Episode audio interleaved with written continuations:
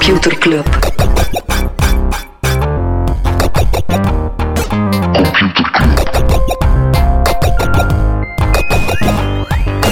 Computer Club. Hey Smolly, Hey Freddy. welkom, welkom terug. Welkom. Welkom bij Computer Club, een wekelijkse podcast over technologie.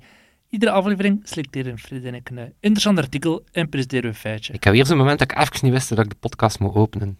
Maar dat heb ik beseft, ja, we hebben het al 172 keer gedaan. Zo moeilijk is het ook Maar niet. gewoon even mijn primair brein activeren. Zeg Smolly, wat ik mij afvroeg, je hebt zo nog bij de tijd gewerkt, Hmm. eh, ook een man die de economie volgt, Ja. eh, thuis in beleggen enzovoort. Wat als er een dienst is waar dat je 3 euro voor betaalt en je krijgt meteen iets ter waarde van 30 euro terug? Wat is dat dan? Ofwel een scam, ofwel is dat iemand met een heel slecht businessmodel, ofwel is dat gewoon pure, Ik, ik hoor het super graag zeggen. Het gaat met name over ons vrienden van de show model. Nee, we hebben super cool eh, vriend van de show nieuws. Allee, we hebben super, su- super cool nieuws. We hebben eigenlijk via vrienden, eh, Arend van eh, Case Company, lokaal bedrijf, maken smartphone covers, laptop, eh, hoe noemt dat, hoesjes, hashjes, Mhm. laptop sleeves. Condooms. Dus we hebben daar niet alleen computerclub smartphone covers en laptop sleeves en allerhande supercool designs en in verschillende uitvoeringen. Weet je, zo'n een, een hard eh, smartphone Hoesje, cover met een flip, met een koord rond. Kunt, niet, je kunt ze zot niet verzinnen. Dus niet alleen is er vanaf nu eh, ook computerclub eh, ja, Merch. gear merch voor je laptop en je eh, smartphone cover. Maar, Smolly, wat mogen we dankzij Arend ook doen? Vrienden van de show, die kunnen al een gratis smartphone hoesje claimen. Voilà. Voilà. Ja, dus Ja. als je vriend van de show wordt, en dat betekent eigenlijk kun je ons geld doneren, dat we gebruiken om jingles mee te maken of om toffe dingen mee te gaan eh, Ja. bedenken. Dat is eh, 3 euro per maand. Ja. Of je kan dat in één keer betalen, dan krijg je denk ik één maand korting. Ik denk dat het inderdaad zoiets is. denk dat 30 euro per jaar of 3 euro per maand. Het is zoiets. Allee, het is, het is, het is niet zoiets, het is zo.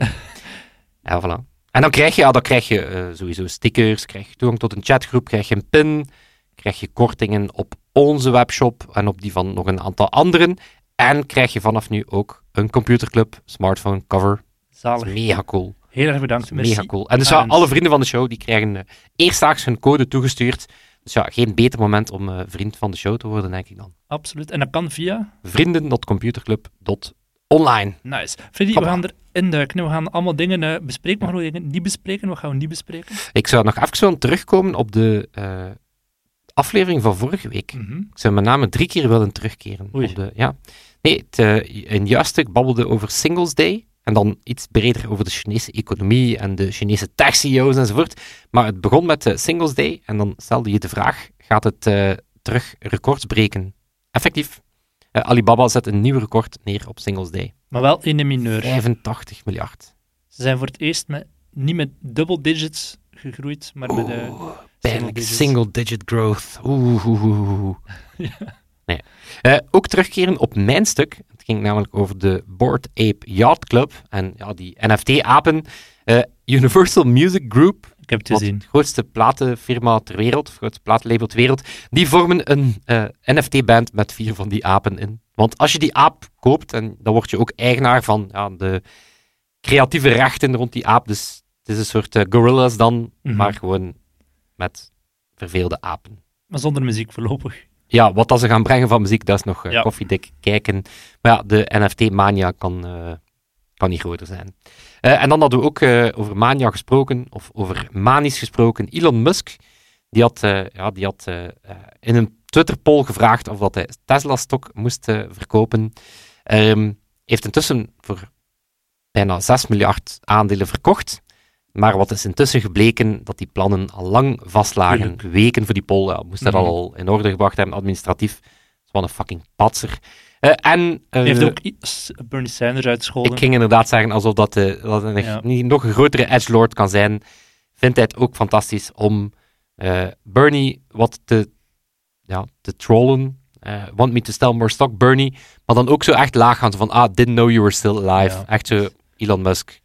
Of nu, dat was hij ook bezig, zo van, was, was 420 adjusted by 69 inflation. Zo, Elon Musk. Echt, klinkt Echt lach met 420 als wiet en dan 69. Ja. Ah, Echt Edgelord. edgelord. Oké, dat was het. eh, Genoeg over incels, we gaan het hebben over leukere dingen. Ja. Google die gaat nog een keer proberen om een contract bij Pentagon binnen te slepen. Maar ze hebben een eh, all-hands meeting met het hele bedrijf gedaan om te zeggen van kijk, kan misschien wel een beetje gevoel liggen, maar dit contract gaat niet in tegen onze waarde van het bedrijf. Want Inderdaad. we hebben dat inderdaad een paar jaar geleden Had het vorige week in de nieuwsbrief, hè? Ja. Ging het over het, eh, ja, het, eh, ja, de opvolger van het Jedi-contract. eh, heel, dat- heel dat, eh, heel dat gigantisch dossier van Pentagon en Google gaat nu inderdaad terug indienen. En uh, Sundar Pichai die zei nu op basis van die commotie alweer, want het leek even dat er minder commotie ging zijn, er is toch commotie. Maar hij zei, nee, nee, we kunnen het wel degelijk zonder onze AI-principes te schenden. Dus voor mensen die niet helemaal mee zijn, er is al zeer lang gedoe met kan Google-technologie gebruikt worden voor bijvoorbeeld eh, het Pentagon die dan ja, in oorloggebieden die, die cloud computing zou gaan gebruiken. En, zo. en Google-medewerkers die vinden dat een beetje dubieus. Ja, je had dat project Maven jaren geleden, dat ging toen het gebruik van AI op drones. En dan kom je al vrij snel op ja, killer drones en dat Mhm. soort dingen. Maar het is ergens een vraag van, van moet je als techbedrijf, ja, je moet ergens wel voor overheden werken, maar zo, waar is de grens, qua, waar is de ethische Mhm. grens of zo? eh. ja. Over eh, Google gesproken, YouTube, het is al, het is al eh, een aantal dagen bekend, maar YouTube die gaat de dislike-knop weghalen. En dan kan je zeggen, ja, weet je, dat zit allemaal in die spirit van minder negativiteit, minder druk op cijfers, hè, zorgen dat mensen niet, ja, Mhm. niet, niet onrustig worden van. Maar eh, mensen die veel YouTube gebruiken, zullen ook wel weten dat de dislike ook gewoon een heel eh, sterk signaal is naar je aanbevelingsalgoritme. Dat is echt gewoon ook heel handig om te zeggen van ja, nee, deze video vond ik niet zo goed. Eh, en ja, YouTube-aanbevelingen die, die gaan van kwaad naar erger. Dus ja, ik ben zeer benieuwd. Never forget, the most disliked video ooit op YouTube is dat jaarverslag dat ze gemaakt hebben in 2019 of 2018, denk ik. YouTube Rewind van een paar jaar geleden. Dat is de meest disliked video. Misschien nu niet meer, maar toen was het wel. Blijkbaar is er, eh, en blijkbaar is er nu een, eh, ja, de, ja, laat het aan YouTubers om een hack te vinden. Dus blijkbaar wordt er dan nu gewoon in de comments gezet, like this comment if you dislike this video. Dus ja, Ah. Ja. Twitter die heeft Threader opgekocht. Dat is een tool om makkelijk draadjes, mensen die dan zo'n Twitter-draadje maken, om die makkelijk in een mooi overzicht te gieten. En ze gaan die feature nu integreren in Twitter Blue, de betaalde dienst van Twitter. ik vind het wel interessant hoe dat ze alle gaps dat dat soort startups oplosten in het product Twitter, gewoon aan het opkopen zijn om dan betalend te maken. Ik blijf super sceptisch voor Twitter Blue. Ik kan het echt niet wegsteken. Maar Nee, nee, niet zozeer. Eh, Ik ben er vrij zeker van dat ze op een gegeven moment een goede offering gaan hebben, waardoor dat een er zijn aantal echt power twee users... waar dat mensen om vragen. Dat is een edit tool en advertentievrij. En wel, ik denk niet dat ze... Zelf al vinden ze die, ik denk gewoon niet dat uw total addressable market voor dat product groot genoeg is om betekenisvol te zijn.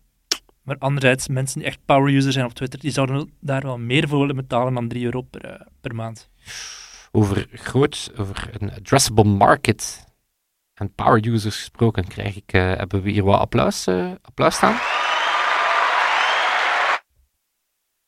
Ja, mooi. Vrienden van de show, allee, laten we ze vrienden van de show noemen, Spatie, Antwerpse, Antwerps bedrijf. Ze zijn heel wat bezig met eh, open source development, met name in Laravel, PHP. Eh, en die hebben een eh, heel mooie milestone bereikt. 200 miljoen mensen hebben hun open source pakketten gedownload. Zot, hè? Ik zag het inderdaad in onze chatgroep passeren. Dat is Zeer vet. zeer cool. Ja, sowieso bijdragen aan open source is al zeer cool. Zeker als je er echt je businessmodel van gemaakt hebt, want eh, dat, dat, dat is wat ze doen.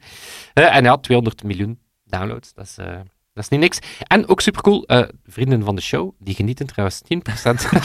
maar ik ben hier echt een goede advertentiemodus. Nee, nee, maar dankzij Jeff van Spatie mogen, krijgen vrienden van de show 10% korting op eh Spatie cursus materiaal. Amai, zot. Ook, hè. Dus ja, dat is ook zelf B2B en al. Amai. Nog non-nieuws? Ik heb er nog eentje, maar misschien als laatste. Ja. Heb je nog iets? Nee? Ik heb er eentje die er drie wordt. Oh, fuck. Nee, nee, het is er eigenlijk maar eentje. Oké, Substack die heeft 1 miljoen betalende gebruikers. En eh, vorig jaar in december was dat 250.000. En ik wilde de link dan kunnen leggen naar... Ja, er is eigenlijk maar één nieuwsbrief die ertoe doet. En die staat niet op Substack.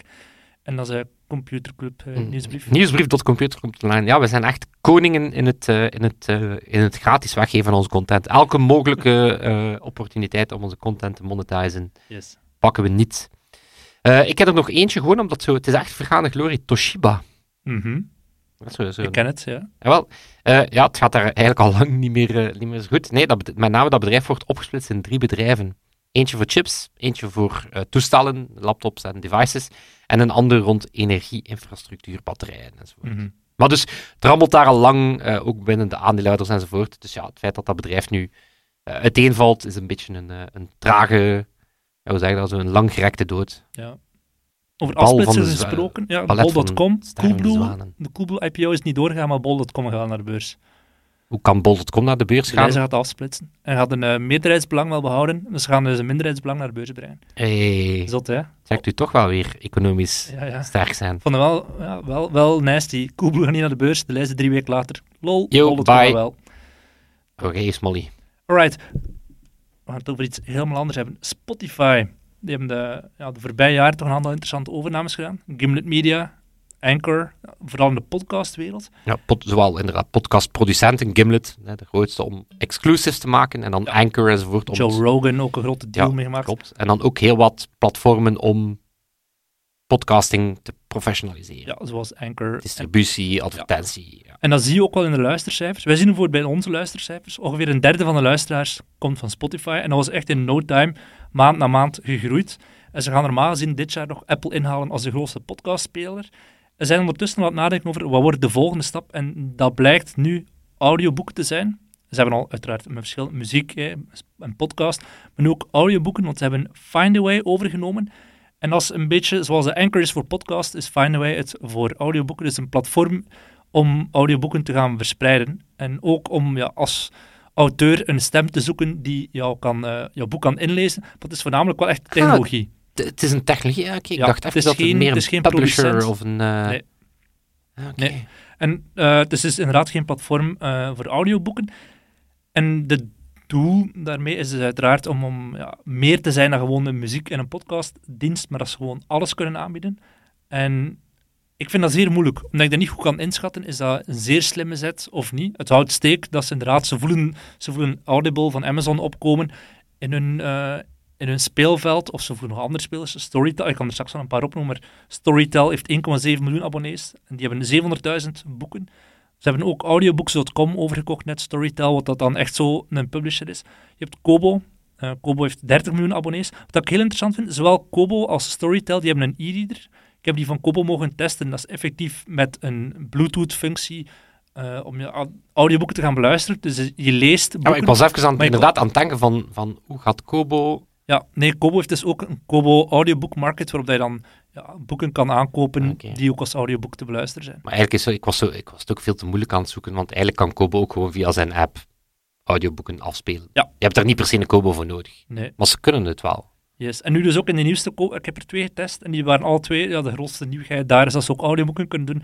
Omdat ze ook voelen, Storytel heeft deze zomer omgekeerde be beweging gemaakt. Ze hebben een e-reader uitgebracht, echt een fysiek object waarmee je ook naar audioboeken kan luisteren.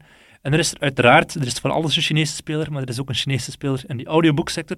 Ximalaya, 80 miljoen gebruikers. Dat is eigenlijk de grootste speler na Audible uh, en zo op dit moment. Ximalaya? Ximalaya, mijn X. Fuck, dat klinkt als een mega racistische portmanteau of zo. ja. I don't know. Maar ik vind dat zeer moeilijk. Ik kan nog niet goed inschatten. Ga Spotify... Klinkt als een slecht restaurant of zo ergens. Ximalaya. Ximalaya. een dansclub of zo.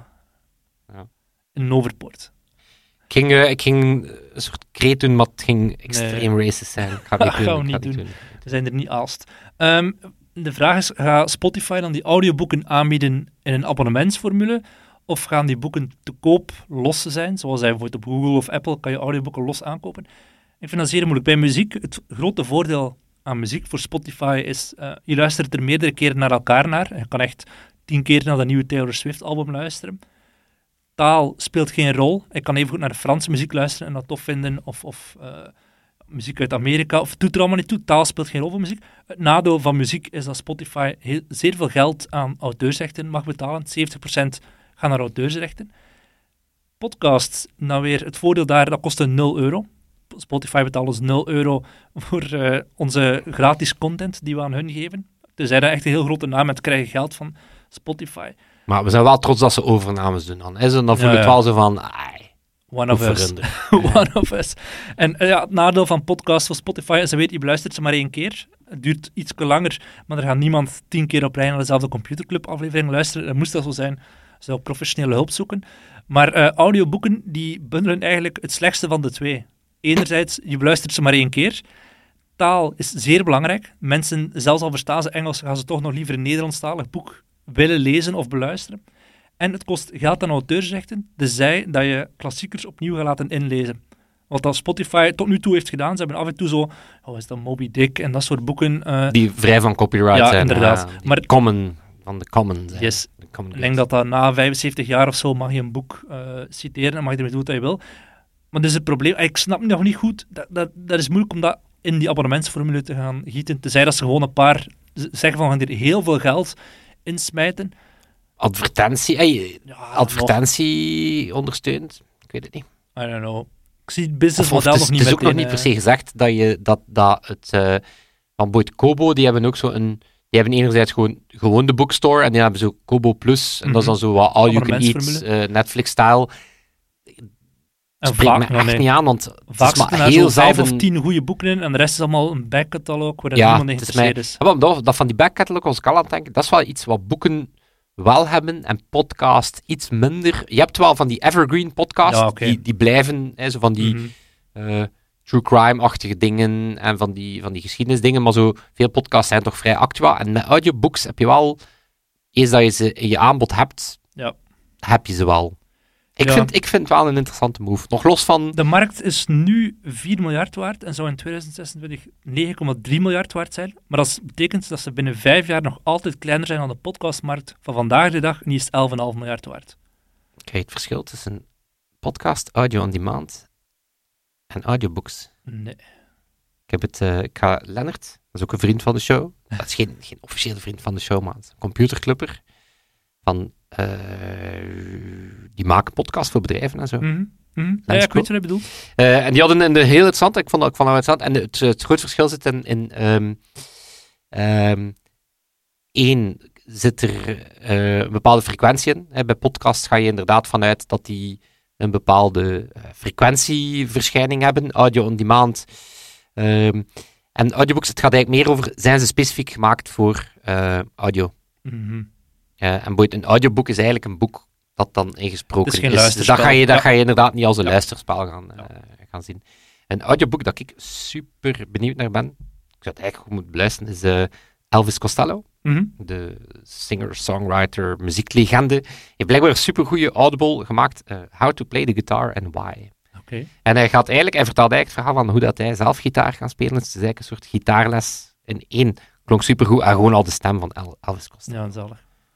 Ik heb zo'n Storytel-abonnement. Ik heb daar een paar boeken op gelezen. Zo Rutger Bregman zijn boek en een paar andere. Maar Mm. het is tof, maar de aanbod is niet, eh, niet fantastisch. Ik heb een uh, strikvraag voor u, Smolly. Binnen, eh, wanneer, wanneer ver, verjaren boeken, zo gezegd? Ik denk 75 Ja, jaar. binnen 75 jaar eh, schenken wij alle computerclub nieuwsbrieven aan de common good. En die gaan dan natuurlijk Ik ga eigen tegen dan al lang in het museum eh, in het smak staan. Ja, maar dan nog voor mensen die in de auto zitten en niet in het museum geraken. Mhm. Wie wil je dat uw... David Attenborough. Dat is een strikvraag, Smolly. want Wie weet hij dat binnen 75 jaar bestaat Ah, om die shit. dingen te lezen? Haha, tenzij dat het een computer synthesized voice Ja. is. En waarom dan niet de uwe?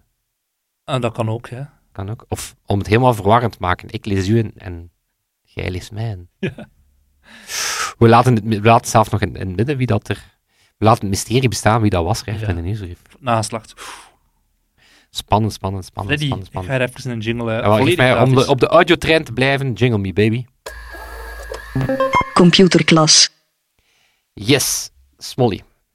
Je weet dat de Russische overheid sloebers zijn, Dat weet ik. ook wat betreft internetvrijheid. En dat ze wel eens eh, meelezen hè, met eh, wat de Mhm. Russen op het internet uitspoken.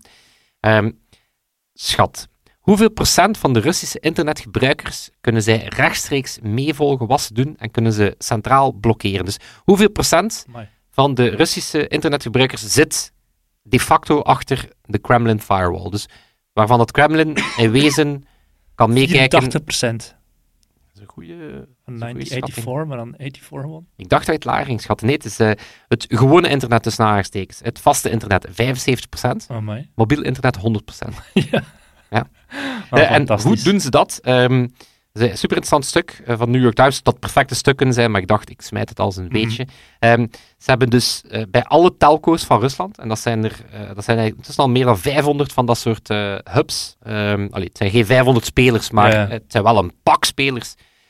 daar wordt de facto een blackbox geïnstalleerd, die echt aan die apparatuur hangt, volledig vergrendeld is, verzegeld is, en dat, dat communiceert met het... Um, met het Kremlin. En wat doen ze dan? Dan kunnen ze um, dingen blokkeren. Kunnen ze centraal een aantal websites blokkeren. Want hè, de Russen die vragen dan heel veel aan Twitter en andere media om dingen te verwijderen. Dat wordt dan wel gedaan, maar Poetin is nog niet happy. Um, dus ze kunnen dingen blokkeren, maar wat doen ze meestal? Veel subtieler. Dingen vertragen. New York Times gaf bijvoorbeeld een aantal voorbeelden van foto's van protesten op Twitter bijvoorbeeld. Dat, die worden dan niet geblokkeerd, maar dat duurt dan 40, 50 seconden eer dat die foto's laden. Dus ja, mensen gaan er al, zijn al snel doorgescrolld. Dus, uh, en dat heet dan Deep Packet Inspection. Zult. Beetje packet sniffing, dat soort dingen. Uh, blijkbaar al bezig sinds uh, 2009. Um, ja, het zal niet verbazen, maar Vladimir, Vladimir Poetin, ja, die is geen fan van het internet. Die noemde dat ooit een project van de CIA.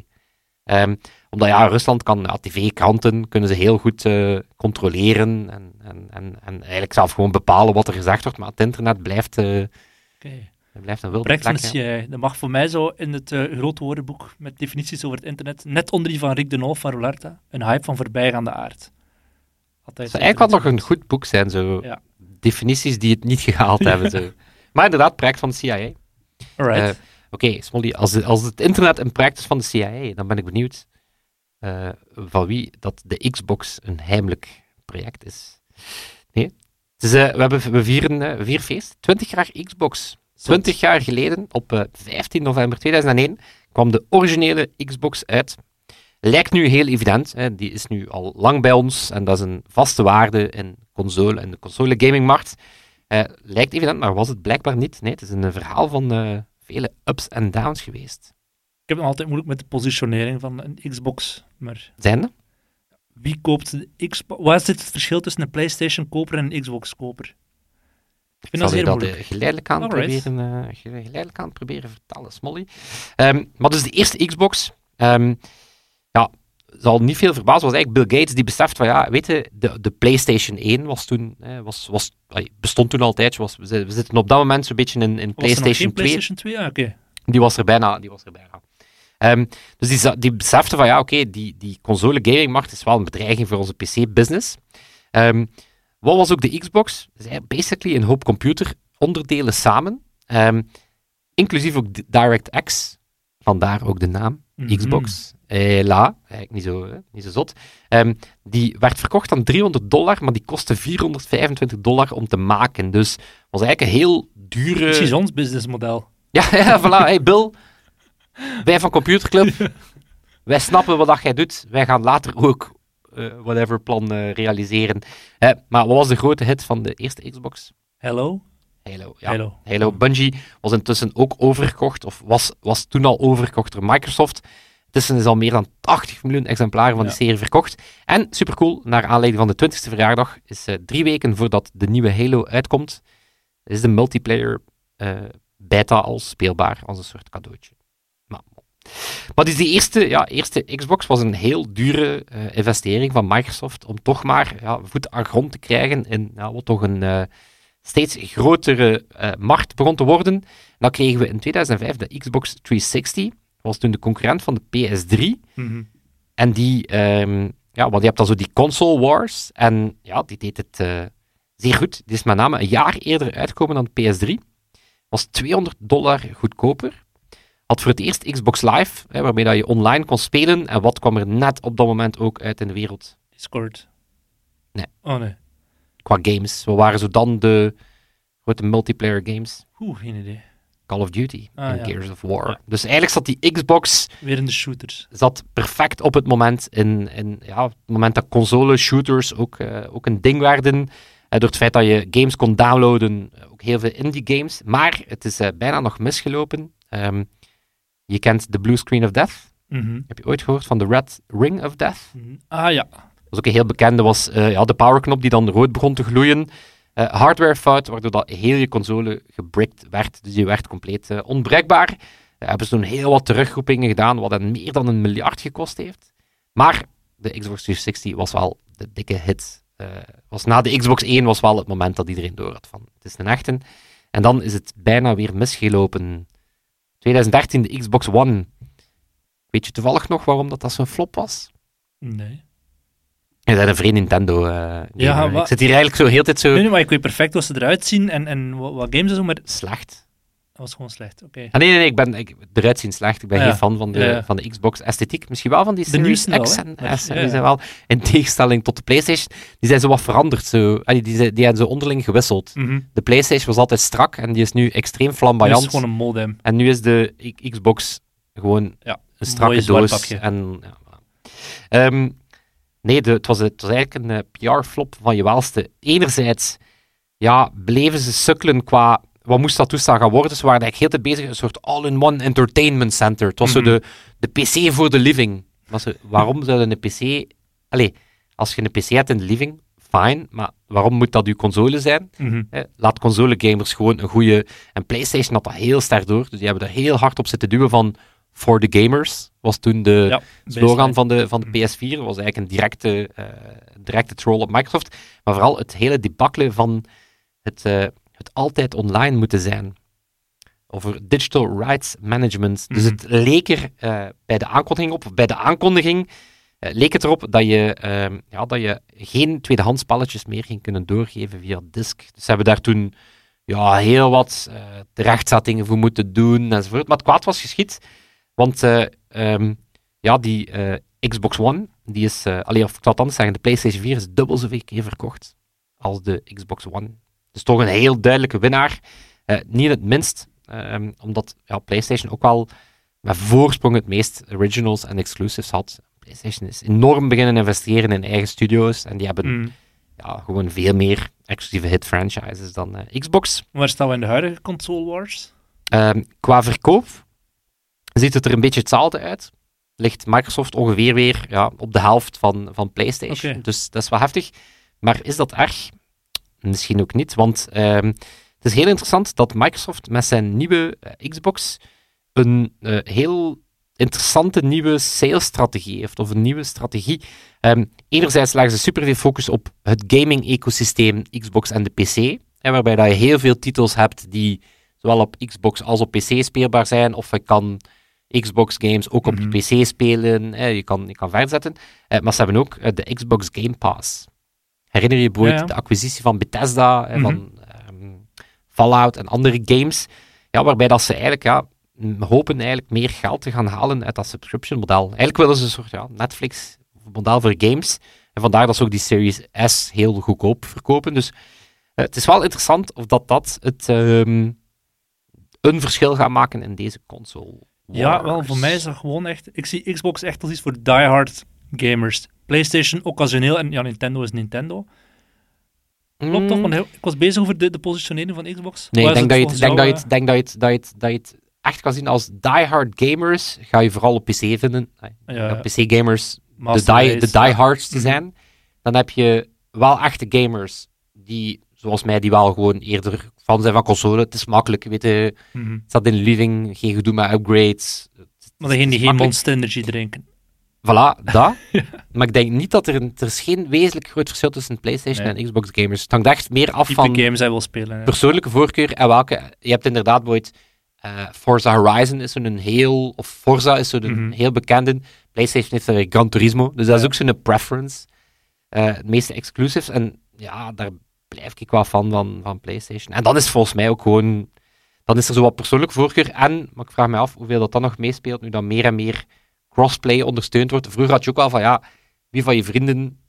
Hey, op welke console is het het meest? En dan heb je ja, Nintendo gamers. Wat een, wat een gekke combinatie is tussen casual gamers en echte gamers, maar gewoon met heel sterke voorkeur voor een aantal titels.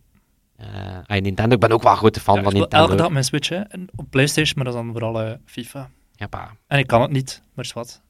Voilà. On that note. Voilà, dus de Xbox, ja, een, eh, een verhaal van, eh, van vele ups en downs.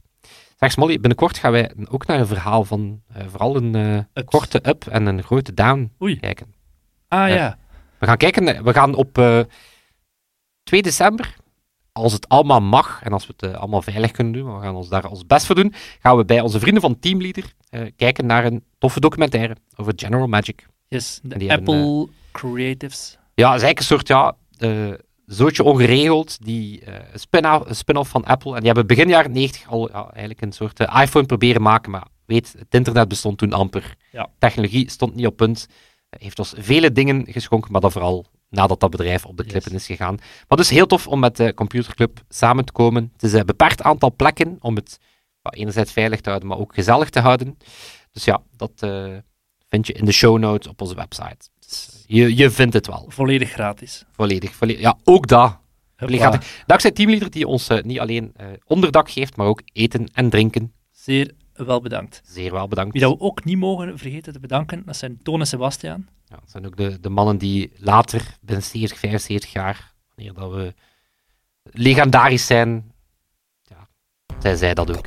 Het zal wel, ze zijn dat nu al. We zijn dan nu al. Toen Sebastiaan die, Sebastiaan die deze week de edit doet, ook dankbaar voor al onze vrienden van de show, die binnenkort een hoesje krijgen, of toch een code voor een hoesje, mogen ze het zelf kiezen. En iedereen van Computer Club. En dat zal het zijn. Tot, volgende week. Yo. Yo. Computer Club.